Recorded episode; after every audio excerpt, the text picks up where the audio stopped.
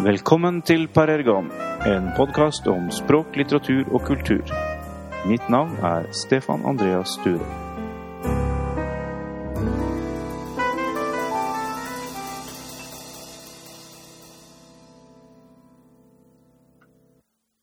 Å lese eller ikke lese. Tenk deg at du setter deg ned med avisa etter middagen. Mett døsig om en nykokt kaffe. Du blar, flytter blikket rundt på sidene, nipper til kaffen. Etterpå kan du egentlig ikke gjøre rede for annet enn at et stykke tid har passert. Så du ikke på klokka da du satte deg? Vet du ikke om det har gått fem eller 15 minutter. Ikke vet du noe særlig mer om hva som har hendt heller, verken i lokalsamfunnet eller ute i den vide verden. Du har rett og slett ikke registrert noe særlig. På mange måter kunne du like gjerne ikke ha lest avisa. Nå er det ikke slik at all avis, avislesing fungerer slik, men de fleste vil vel kunne kjenne seg igjen. Det er akkurat sånn det er noen ganger.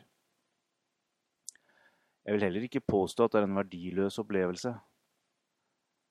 Man uh, kobler av og kobler ut. Å lese dikt vil være det motsatte. Man må koble på og inn. Koble på sitt eget nærvær og koble inn sin mentale beredskap. Det viktigste man har å møte et dikt med, er sine egne sanser. En så komplett som mulig registrering av sitt eget nærvær. Du vet ikke hva du skal gjennom før det er over. Leser man dikt slik man leser aviser, så er det ganske opplagt at man får lite ut av det. Men det er mange som ikke leser dikt. Mennesker som uten å nøle kaster seg over mursteinstykke romaner og bindsterke verk, kan bli flakkende i blikket når det snakkes om dikt. Nei, Nei, dikt eh, det er ikke akkurat noe for meg, sier de. Mulig de har rett, men jeg tror ikke helt på det. Jeg tror de har fått dårlig eller ingen veiledning. Går man inn på et bibliotek eller en bokhandel, plukker ut en tilfeldig diktbok og tar det med seg hjem, vil det stort sett gå fryktelig galt. Like galt som det antagelig ville gå om man plukket opp en tilfeldig film i videosjappa.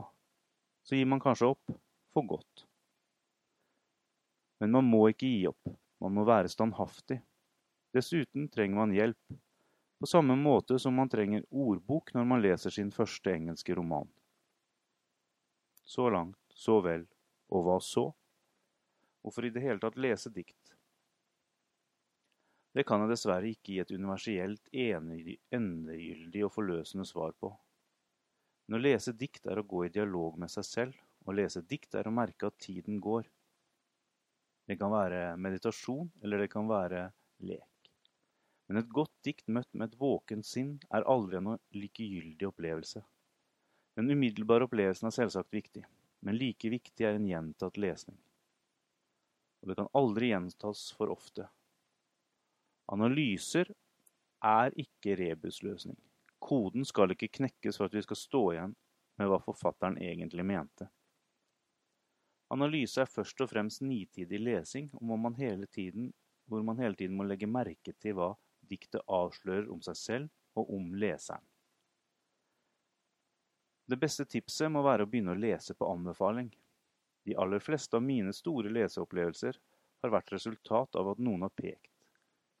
Jeg er helt overbevist om at akkurat ditt favorittdikt finnes, og at letingen kan gi mange gode leseopple leseopplevelser.